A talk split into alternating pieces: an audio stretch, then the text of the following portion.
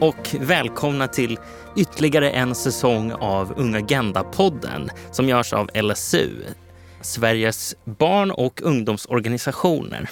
Jag tror att vi är inne på typ fjärde säsongen nu, vilket är ganska kul. Vi har hållit på ett tag. Det är min andra säsong som, som programledare. Så vi får se om jag har lärt mig någonting eller om jag är lika nervös och novis som jag var förra säsongen. Men Idag ska vi också, eh, har vi tillbaka våra fantastiska EU-representanter eh, Isak och Emma. Jag tror att någon av er faktiskt startade förra årets, eller förra säsongen också. Jag tror att det var du Isak som var med i första avsnittet då också. Ja, men så kanske det var. Emma körde ju en egen också sen där. Mm. Men eh, det kanske var så att jag började. Ja. Jag tror det. Så det, det, det har blivit en tradition för mig att, att EU-repparna får starta det här nu. Vi har också med oss en gäst idag, eh, Thomas från Unga Örnar. Jättekul att ha dig här. Tack. Är det din första podcast som du spelar in? Det är min andra faktiskt, Din andra. men inte så här proffsig som den här verkar vara. Ah, det, det ska vi försöka leva upp till, de förväntningarna. Jag tänker också att vi, vi börjar som, som vanligt med den här podden och när, vi har våra, när det handlar lite mer om EU, att eh, vi brukar få eh, berätta en favoritstad i EU. Eh, Isak och Emma har gjort det här ett antal gånger så jag tänkte att vi skulle det börjar bli lite, liksom lite höstigt nu. Det känns, det, kylan kommer på, färgerna förändras. Det blir lite mera grytor, det blir lite mera eh, mys och eh, tända ljus. Eh, kanske också beror, för att man vill hålla nere elen idag. Men, men annars blir det tända ljus och lite sådana saker. Vart eh, känner ni att det är, vad är den mysigaste liksom, höststaden i EU då för er? Vi kan börja med Isak. Ja, oj. Eh, det här var en eh, svår fråga. Jag tänker så här, om det är hösten så är ju ändå eh, Sverige väldigt fint, måste man ju ändå säga. Men däremot tänker jag att jag kanske, jag är ju verkligen ingen höstperson, uppskattar inte det. Det blir liksom så här, så himla deppigt bara. Så att jag tänker att jag nog hade åkt tillbaka till mitt eh, sommarresmål. För jag var faktiskt eh, för första gången någonsin i Rumänien och Bukarest nu i somras och kollade precis på deras väderleksrapport och de låg på typ så 25 grader fortfarande. Du, du, tänker fuska alltså? Jag tänker att jag förlänger sommaren istället och åker tillbaka dit. Det är verkligen ett tips. Så himla fint. Ett typ litet Paris. Så. Mm, nice. Emma? Jo, men härligt, härligt. Tyvärr höll jag på att säga, men lite inne på samma spår som Isak eh, var där. Jag, jag bor ju som sagt i Nederländerna och det är eh, regn, regn, regn och lite mer regn just nu. Eh, så skulle det vara härligt att vara någon annanstans. I somras var jag på en, en liten, liten ort eh, i, på italienska kusten som heter Rapallo. Det var väldigt, väldigt härligt. Och eh, där sitta på ett berg och kolla på, på vågorna, det känner jag att jag skulle vilja göra just nu. Då blir det lite höstkänsla när man kan kolla på hur naturen ändras men ändå inte regn. Också en eh, lite fuskare där alltså. Och Thomas, vad känner du då? Jag har inte varit så mycket i EU så, men jag ska resa två gånger till Bryssel nu inom snar framtid. Så att eh, jag har höga förväntningar på den, de resorna. Så att jag säger Bryssel. Jag har hört mycket gott. Men ni har säkert varit där många gånger. Ja, men det är alltid trevligt med Bryssel. Men jag tänker att du kommer ju uppifrån Luleå också. Det måste vara himla fint nu, tänker jag. Ja, nu är det fantastiskt fint. Ja. Men eh, under sommaren så är det ljust eh, dygnet runt. Under vinterhalvåret så är det ju mörkt dygnet runt. Ja, det är sant. Det kanske är en riktigt låg säsong nu. Man måste trivas med sig själv. Just det är lite det. så. Just det. Då kan man bo i Luleå och må bra. Eh, jag instämmer, jag har varit i Luleå några gånger. Jag eh, vet faktiskt inte själv heller riktigt vad jag skulle säga. Jag tror nog ändå så att jag får säga min hemstad och det är ju Sollefteå. Eh, så att jag tror att det är mysigast ändå. Men det är väl också bara för att höstsäsongen blir väldigt mycket in i soffan, tänker jag. Ja, och så blir det lite så här, längta hem, det är lite trevliga gångpromenad, det är liksom stråk. Det, ja, det är ganska nice. Ja, härligt. Eh, ni var inne lite grann på det. Hur har semestrarna sett ut för framförallt Emma och Isak? Vad har ni gjort? För ni har inte bara haft ledigt och kul. Jag vet att ni också har varit ute och rest där i, i mitten av sommaren någonstans i, i ert uppdrag.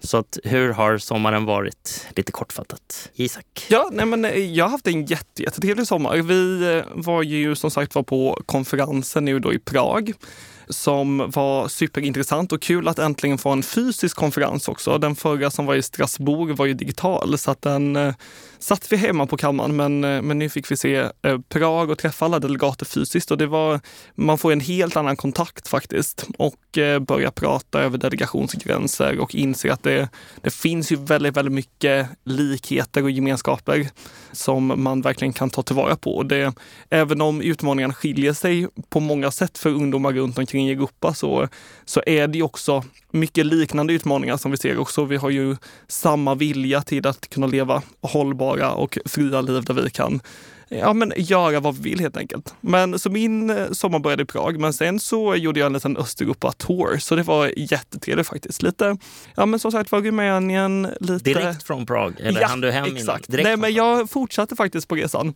Och sen så var det i Montenegro också. De är inte medlemmar i EU än, men de eh, söker medlemskap och har faktiskt euro som eh, sin valuta, vilket är väldigt intressant ändå. Så att vi får väl se. Någon dag kanske de också går med. Mm. Emma, Körde du också en avstickare eh, från Prag? Nej, inte riktigt. Um, jag tänkte att jag skulle spendera sommaren i Sverige, var lite nostalgisk, men ganska besviken på svenska sommaren eh, på östkusten i år i alla fall.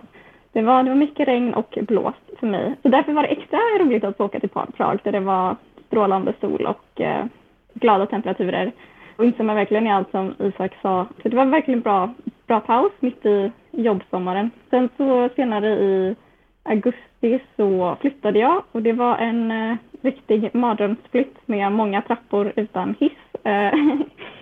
Men, men vi har kommit till, till rätta nu och sen efter det så testade jag på att åka lite mer tåg i Europa till Berlin och sen från Berlin till Italien och sen tillbaka till Nederländerna. Och det gjorde väl mig både mer taggad och eh, insåg att det inte alltid är lätt att åka tåg till alla ställen. vi får se. Det, det var en upplevelse, så kan jag sammanfatta det. Eh, men också härligt att jag kunde åka och hälsa på mina kära rumskamrater som jag bor med och få se hur det är hemma hos dem. Så ja, sammanfattningsvis en riktigt härlig sommar, men eh, lite besviken på Sverige. Äh, jag eh, var ju fast i Sverige så, eh, eftersom att jag har blivit pappa i sommar. Eh, för, för, för, första gången också, ska tilläggas. Det är sjukt grej. Ja, det, det, det är sjukt, men det, det, det blir spännande. Men det gjorde att jag inte kunnat resa någonstans, inte ens hem till, till Sollefteå liksom, och inte ner till Halland heller där min sambo kommer ifrån. Så vi har bara varit liksom suttit fast här. Men på ett väldigt trevligt och lärorikt sätt istället. Det har varit väldigt lärorikt och, och och känna allt och, och lära sig allt. Du då Thomas, har du varit uppe i, eh, uppe i Luleå då, som vi skvallrade om att du var ifrån? Det stämmer, men jag har inte haft någon semester tyvärr. Ah. Det var så att jag, jag studerar ju egentligen mm. innan jag hoppade på det här jobbet och då jobbade jag på SSAB som ska göra fossilfritt stål. Mm. Viktigt, stor, stor grej, omställning i Luleå och Västerbotten Så du jobbade på hybrid då? Alltså lite. Inte på hybrid, jag jobbade på den gamla delen, ah, så okay. koksverket som tar kol från hela världen och sen så den gamla processen egentligen som man ska fasa ut nu in, om tio år ungefär. Och sen så jobbade jag också som valombudsman i valet. Så jag mm. jobbade som 200 procent. Och sen var tanken att jag skulle ta det lugnt och börja plugga igen och sen så vändes livet upp och ner igen. Så det, det kommer jag berätta om sen när vi mm. presenterar mig själv, tänker jag. Ja, precis. Vi, vi kommer tillbaka lite grann till Emma och Isak här nu först. För att ni har ju hunnit med mycket, trots att ni har varit ute och rest också.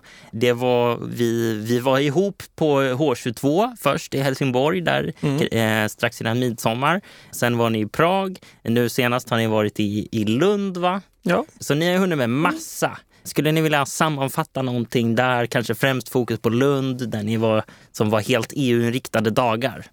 Ja, precis. Nej, men det var, nu när vi var nere i Lund så var det EU Youth Days som de kallade. det. Eh, ett event som ja, men fokuserar på EUs möjligheter och mycket kopplat till eh, unga då helt enkelt. Och då var vi med i ett panelsamtal där tillsammans med eh, ja, men dels Europa Direkt Skåne, som, eh, eller Sydskåne, där eh, jag var tillsammans med eh, Karin från MUCF nere och hade en demokrativerkstad nu när vi hade de här konsultationerna så fick de berätta om det resultatet och att eh, alla de 150 ungdomar som var med och, och, deltog i det. Och sen så var även Lena Nyberg som är generaldirektör för MUCF och sen var det jag och Emma då. Vi fokuserade mycket helt enkelt på resultatet från dialogen och, eh, och vad vi har fått fram i konsultationerna helt enkelt. Ja, precis. Så vi kanske ska lyfta då att anledningen till att det heter just EU Days Lund och att vi var i Lund är att vi precis har fått reda på att men Lund vill ansöka om att bli europeisk ungdomshuvudstad. Mm. Eh, något som LSU också stöttar och en process som jag och Isak antagligen kommer bli mer och mer engagerad i här under hösten som, som drivs på då samarbete med, med LSU. Men precis som Isak sa så var ju syftet med vår panel att presentera lite kort resultaten av, av de konsultationerna som vi har diskuterat i podden under hela våren egentligen och diskutera det, men i, liksom, hitta synergier med alla de eh, aktörerna som var del, deltagande i samtalet. Så vad MUCF har för roll som eh, samordnare för Europaåret för unga, men också för demokrativerkstäderna som också Europadirektkontoren har eh, kontakt med. Det låter spännande med EU, EU Youth Days i Lund och jag hade två frågor där. Eh, det ena är, är det första gången de anordnar det här eventet? Eh, om ni vet det. Eh, och den andra var, Eh, ni sa att de ville eh, ansöka om att bli en EU-ungdomshuvudstad. Vet ni ungefär hur lång den processen är? Hinner de bli det innan vi går över i ordförandeskapet? Vet ni det? Ja, men först och främst kan man ju säga att det har varit eh, under två års tid som eh, de har haft EU Youth Days och det är ett himla bra koncept faktiskt. Alltså om man de deltagarna på plats var ju framförallt eh, gymnasieelever och en del högskoleelever och eh, och det man pratade om utöver våra pass eller vårat eh, panelsamtal så, så var det ju bland annat om vilka jobbmöjligheter det finns inom EU och, eh, och vilka möjligheter EU har för ungdomar att liksom komma ut också i Europa och, och, och möta andra och eh, liksom förbättra sina möjligheter på, på arbetsmarknaden till exempel. Så att det var superintressant. Precis. Och sen så ansökte Lund om att bli europeisk ungdomshuvudstad för år 2026. Så okay. det är ju en lång framförhållninghet vi har här. Och sen så vet man väl det med erfarenhet från andra EU-processer att det är någonting som tar väldigt lång tid. Och sen så är det också väldigt eh, ja, men till, till Lunds fördel att ha eh, möjlighet att arbeta med det här projektet över flera, ja, men flera år och på så sätt kunna göra det till en mer integrerad del av liksom, hela planen för Lunds utveckling och inte bara något som händer över ett år. Så att det blir mer integrerade processer där man har möjlighet att ta reda på vad unga söker eh, inför, inför året eller vad man liksom har för förväntningar men också hur man kan få den liksom andan som formas under det året att behållas i staden och spridas vidare i Sverige också. Okej, tack. Då har de ett, ett litet tag kvar på sig att, att satsa stenhårt på EU och ungdomar. Det låter trevligt och hoppas att då kanske ni får åka dit igen. Ja, Lund är alltid trevligt att åka tillbaka till faktiskt. Ah, trevligt. Vad har ni mer på gång? Jag vet att ni har pratat lite grann om eh, de här rådsresolutionerna. Vad är det och eh, hur funkar det för den eh, omedvetna? Jo, men lite, lite kort och gott så um, i slutet av varje, Isak och jag sitter som representanter till cykel 9 av EUs ungdomsdialog och i slutet av varje cykel så måste allt allt som vi har gjort eh, under de här 18 månaderna då sammanfattas. Och det görs dels i rådsslutsatser och rådsresolutioner.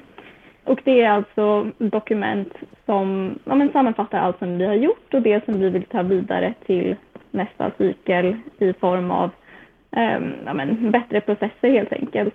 Och eh, det här är någonting som ska lämnas över till eh, EUs ministerråd under det svenska ordförandeskapet i vår helt enkelt. Så vi har börjat tidigt med att eh, sammanfatta det som vi är mitt uppe i egentligen.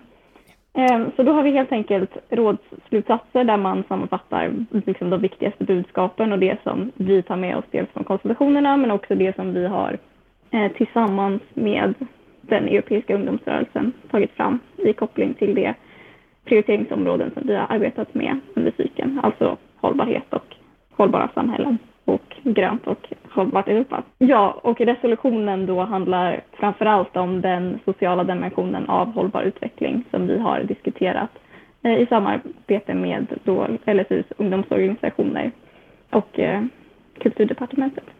Ja men precis. Och sen så, eh, ja, men som du var inne på lite Emma, så har vi ju också påbörjat planeringsarbetet nu eh, inför konferensen som kommer vara i, eh, i Växjö här i Sverige, eh, som kommer vara den eh, eh, slutgiltiga konferensen då för den här cykeln. Och, det ska bli intressant att jobba vidare med det och ta med de erfarenheterna vi också har av den fysiska konferensen i Prag och, och se till så att vi gör ett så, så bra evenemang också som möjligt för alla delegater som kommer till Sverige. Så, så det ska bli superspännande faktiskt att jobba vidare med. Är ni inblandade i själva liksom, eh, logistiken och liksom planeringen av eh, konferensen här i Sverige? Ja, men delvis absolut. Vi, eh, vi sitter på lite planeringsmöten och kommer med inspel om vad, vad som funkat bra och vad som definitivt går att utvecklas också från, från de tidigare eventen så att säga. Så, så vi kan absolut vara med och påverka det.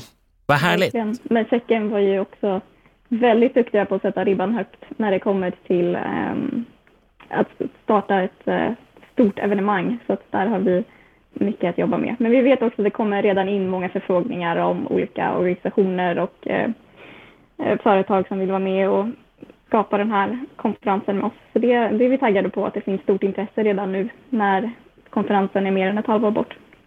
Ja, för den är i början av nästa år, början av 2023 va? Ja, precis. Mm. Exakt. Så den kommer vara i mars 2023. Okej, okay, så långt fram? Ja, precis. Då har ni eh, ett bra tag på er. Ja. Vad har ni att göra fram till dess då, förutom att sitta i planeringsmöten och, och eh, fila på vad ni ska säga? Liksom? Vad, vad har ni liksom mera för er från idag till dess?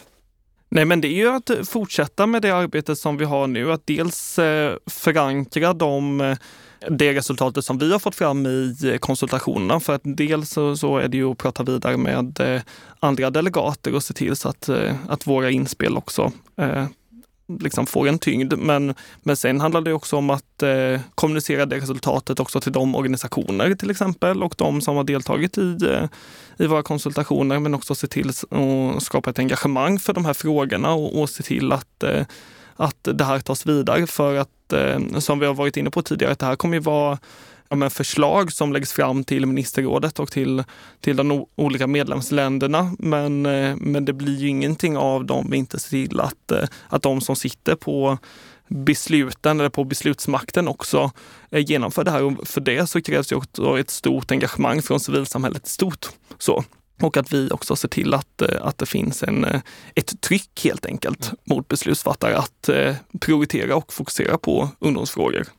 Ja, precis. Och förutom bara det genomslag, eller det som den processen i själva ungdomsdialogen på europeisk nivå så vill vi få, här har vi liksom presenterat då vad, vad Sveriges ungdomar tycker eh, inom ramarna för våra ungdomsmål och där vill vi ha så mycket genomslag som möjligt då inför svenska ordförandeskapet där vi har en väldigt unik situation där det kommer att riktas mycket, eh, mycket fokus på, på Sverige i sin helhet men också för Sveriges unga.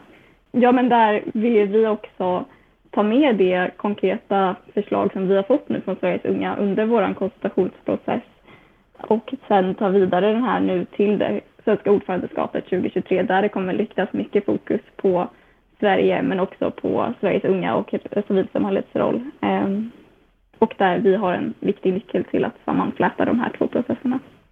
Det låter spännande. Ni verkar ha en hel del för er då och, och få ihop allting och baka in eh, allting så att, så att från, från organisationer, från era konsultationer, från de här rådsresolutionerna, från konferenserna, från, från eh, alla, alla möten och träffar, informella och formella, till en eh, fantastisk konferens tror jag att det kommer att bli.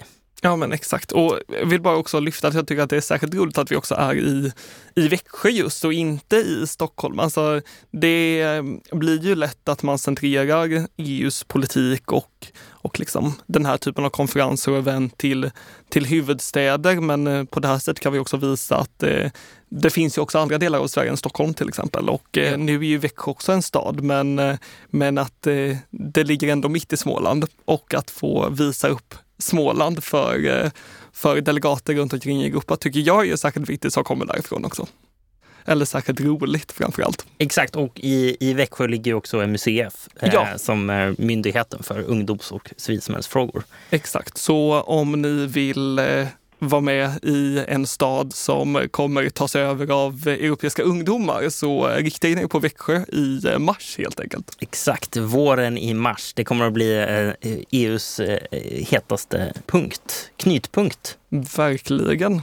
Och under era konsultationer så vet jag att ni har träffat på en del organisationer, både eh, i civilsamhället men kanske också lite grann utanför. Men framförallt så har ni träffat LSUs, som är då landsrådet för Sveriges barn och ungdomsorganisationer.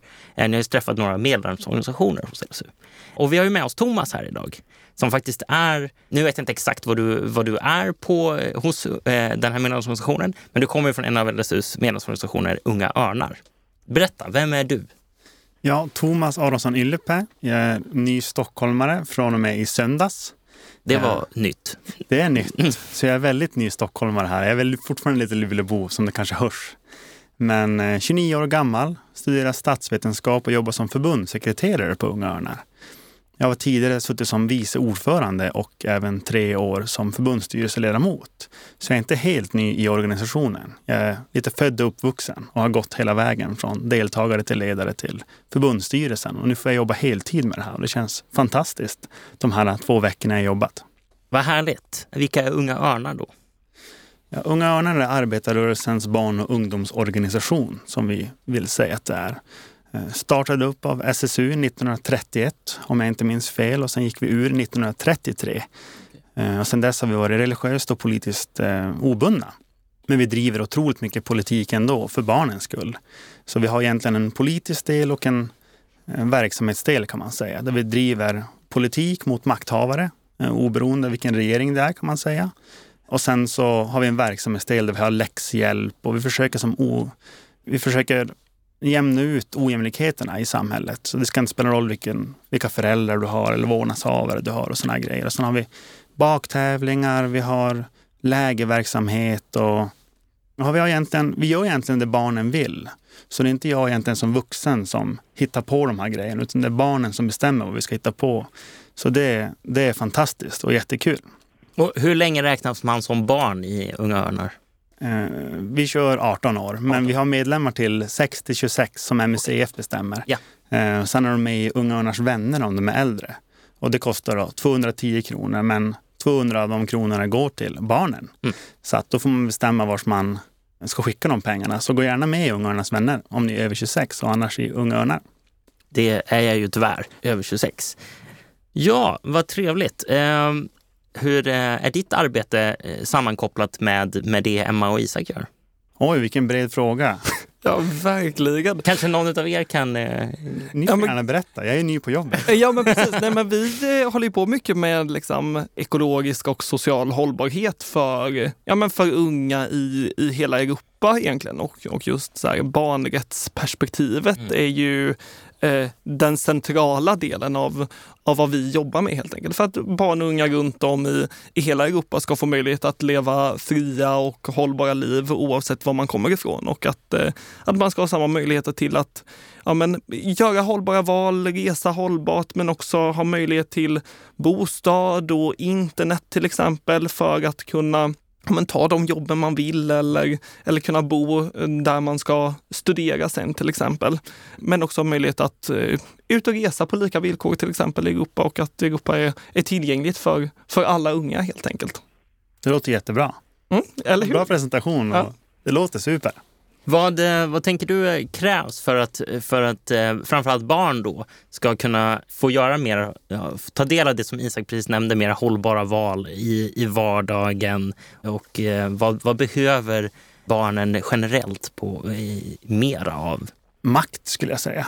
Att kunna förändra. Rejält inflytande. Liksom. Ja, men det kan man säga. Det, det, är väldigt svårt för barn idag att göra hållbara val generellt. Det är ofta föräldrarnas ekonomiska bakgrund eller, eller annat som styr det. Så det är ganska svårt för barn att göra hållbara val. Utan det är makthavare och företag som måste hjälpa till då att, att ställa om för att man ska kunna köpa. Till exempel om du handlar mat så är det dyrare med hållbar mat än, än billigt producerad mat och sådana här grejer. Så att, eh, så mer att makt, vi försöker påverka makthavare då att, att barn ska kunna göra hållbara val och att det bara ska vara hållbara val man kan göra så att alla har råd med hållbara val. Vad, eh, det, det låter viktigt. Vill du tillägga något, Emma?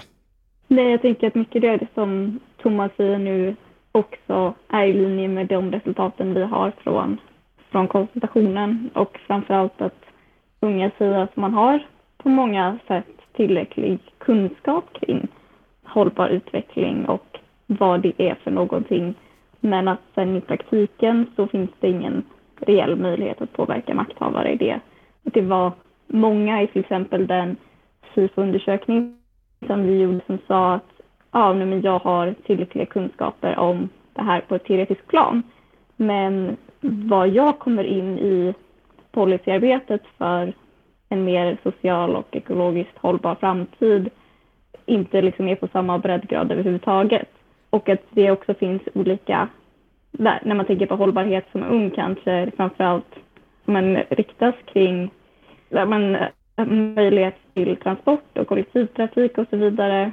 Eh, även om vi ser att det finns stora, stora skillnader där också så är det liksom en större grupp som har tillgång till möjligheten att göra sociala eller hållbara val i, inom eh, den sektorn till skillnad från till exempel när det kommer till bostäder eller möjligheten att påverka sina makthavare i sig. Så det, det finns ju liksom ett stort gap där mellan vad man kan ta till sig och vad man kan yttra sig om.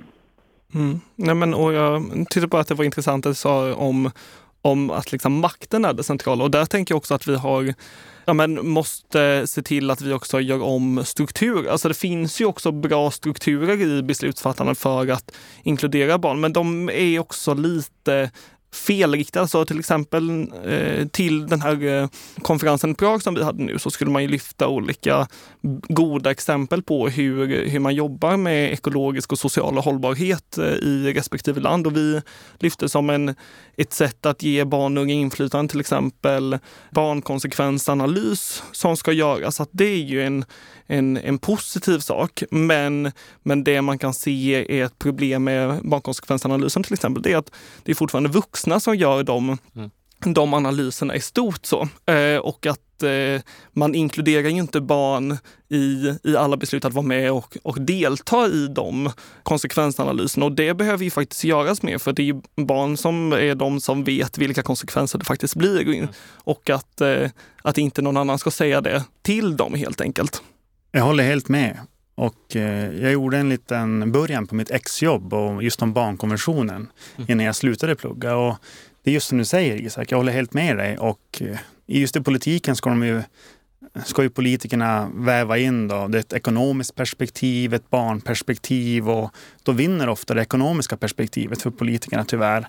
Och det är väldigt problematiskt för att man, det är ju, det är vuxna som tar de här barnkonsekvensanalyserna och barnkonventionen är ju jättetydlig men eh, också svår att följa. Men jättetydlig. Så att, eh, och den är ju lag i Sverige så att, så att det, går att, det går att göra bättre. Och det så ser det ut i hela Sverige skulle jag säga.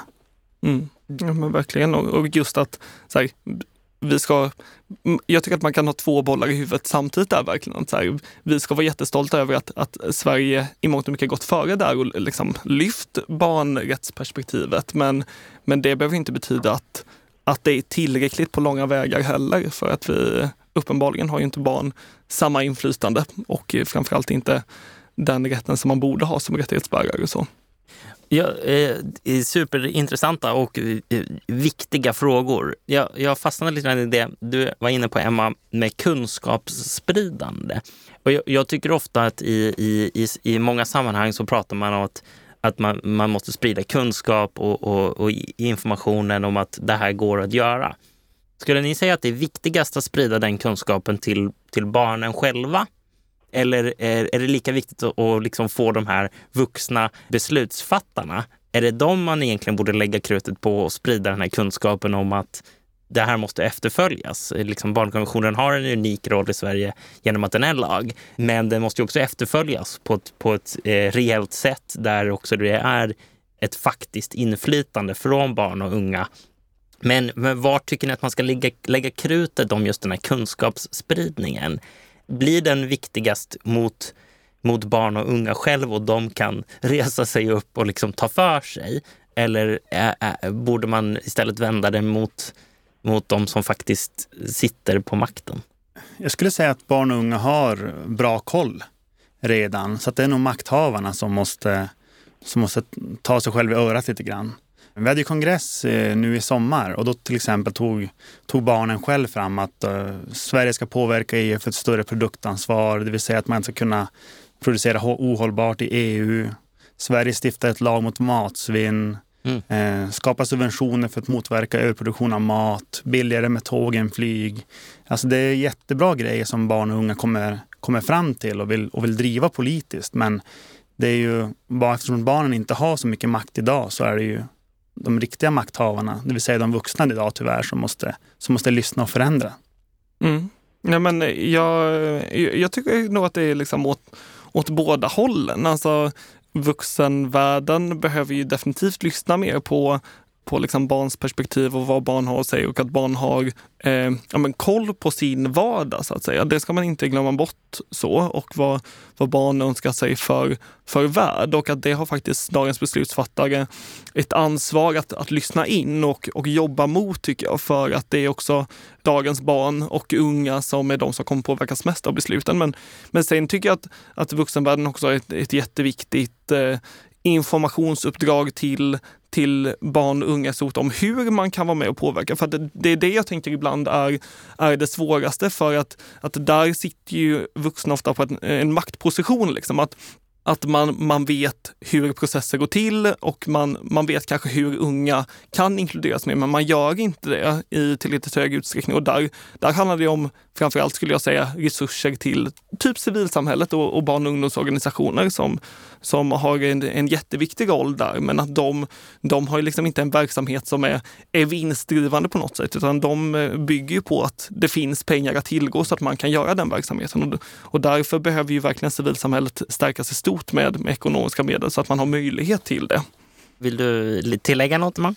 Nej, det, det jag skulle säga är ju också att eh, det är viktigt att det vi pratar om nu är ju situationen för, för Sveriges unga där vi har ett starkt civilsamhälle med fokus på inte bara ungdomsorganisationer men också för, för barn där vi utbildar barn och unga om eh, klimatförändringar och sociala ojämlikheter. Både genom ungdomsorganisationer men framför allt att det är väldigt tydligt också i läroplanen i skolan.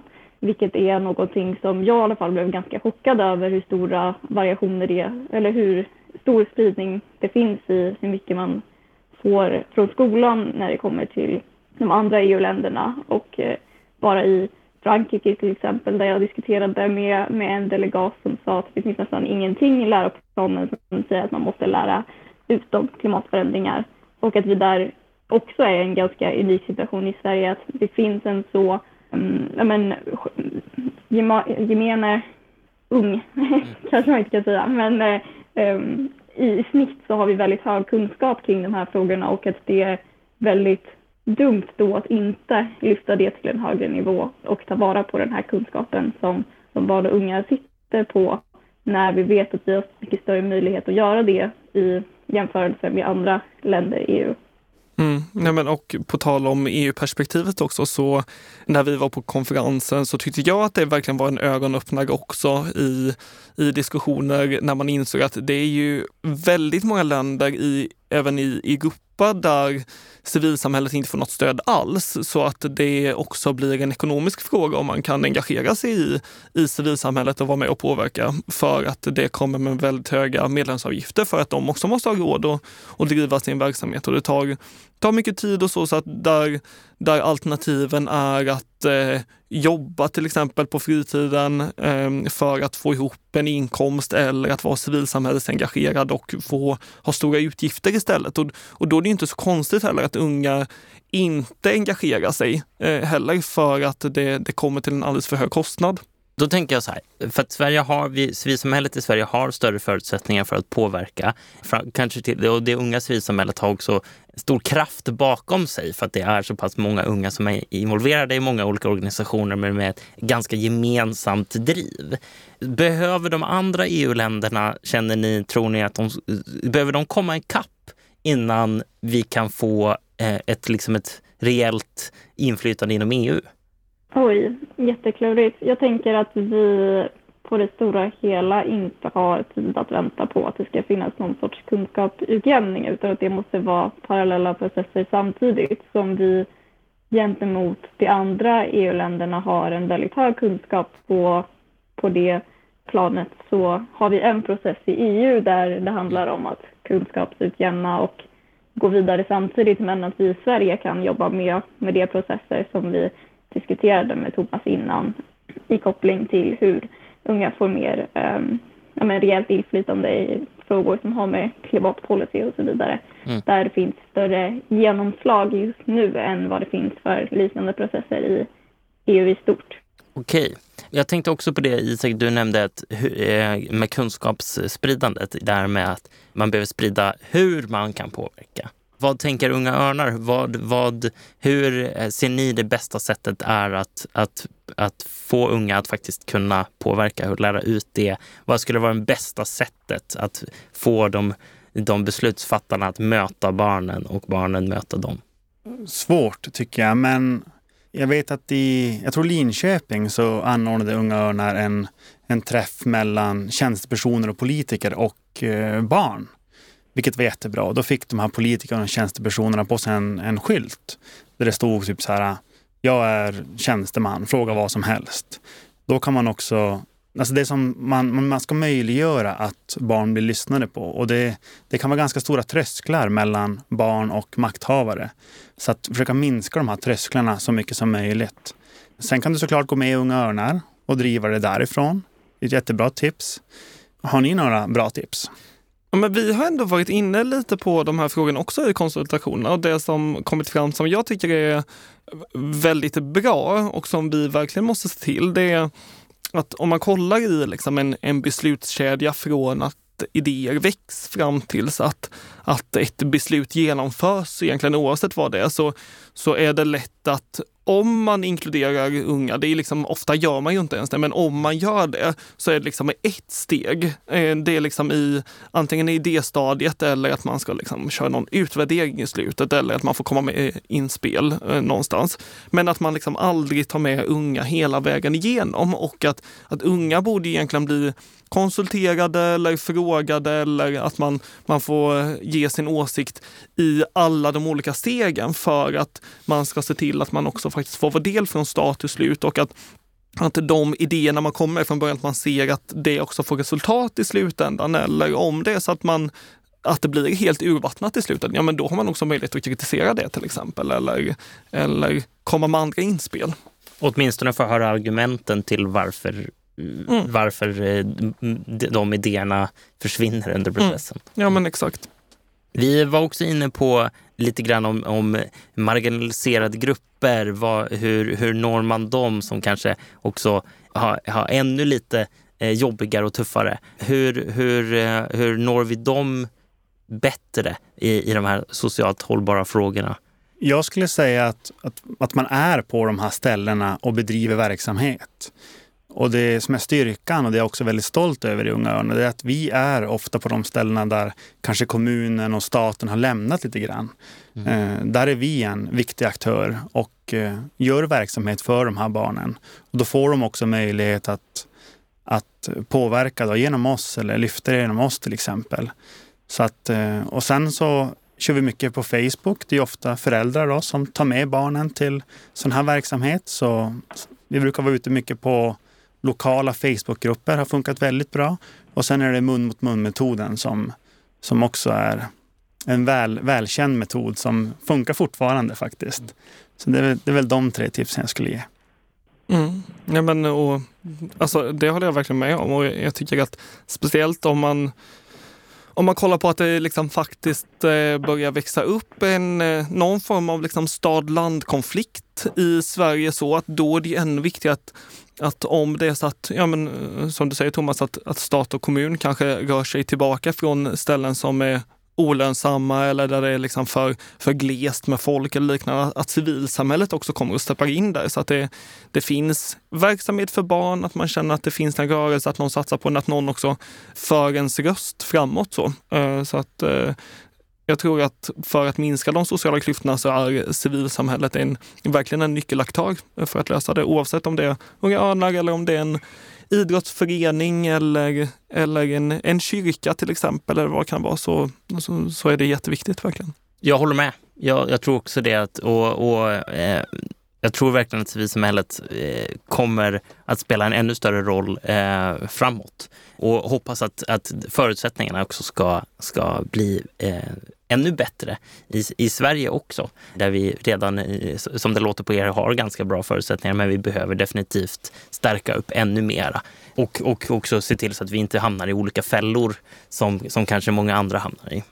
Jag tänkte att vi skulle börja avrunda och då tänker jag bara så här, vad har ni precis nu härnäst? Vi har pratat lite grann om konferensen som kommer senare, planeringen, det var mycket planering. Men vad har, vad har ni som EU-rappar och också Thomas i Unga Örnar, du var två veckor in, men vad, hur, hur ser du på framtiden och, och den närmaste framtiden i, i Unga Örnar? Eh, och ni, eh, Emma och Isak, vad, vad händer liksom nu absolut närmast som också folk kan ta del av? Jo, men precis. Vi har ju pratat mycket idag och eh, framförallt när vi var i Lund också om de svenska resultaten av konsultationerna. Men nu är faktiskt konsultationerna färdiga i alla EUs medlemsländer och eh, ska sammanställas helt enkelt.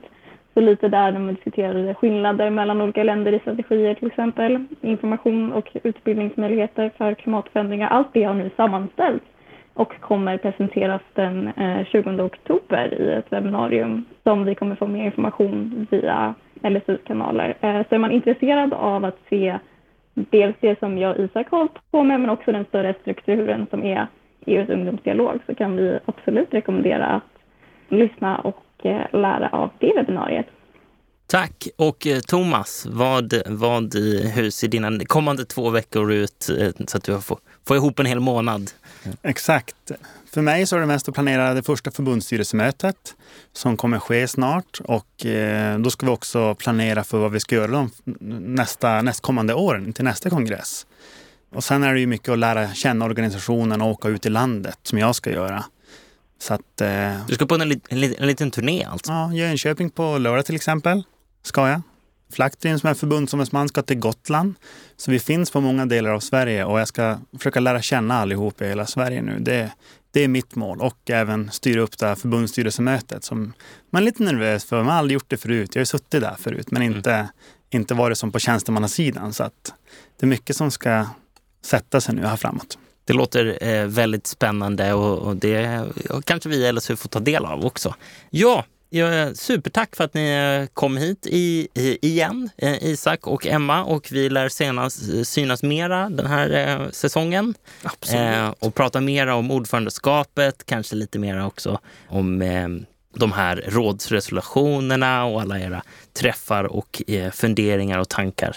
Och Thomas, jättekul att, att du var med och, och berättade om er verksamhet och också hur vi förhoppningsvis kan kan baka på det, den, den, det, det hållbara val för, för barn och unga och förbättra de situationerna eh, för Sveriges barn och unga.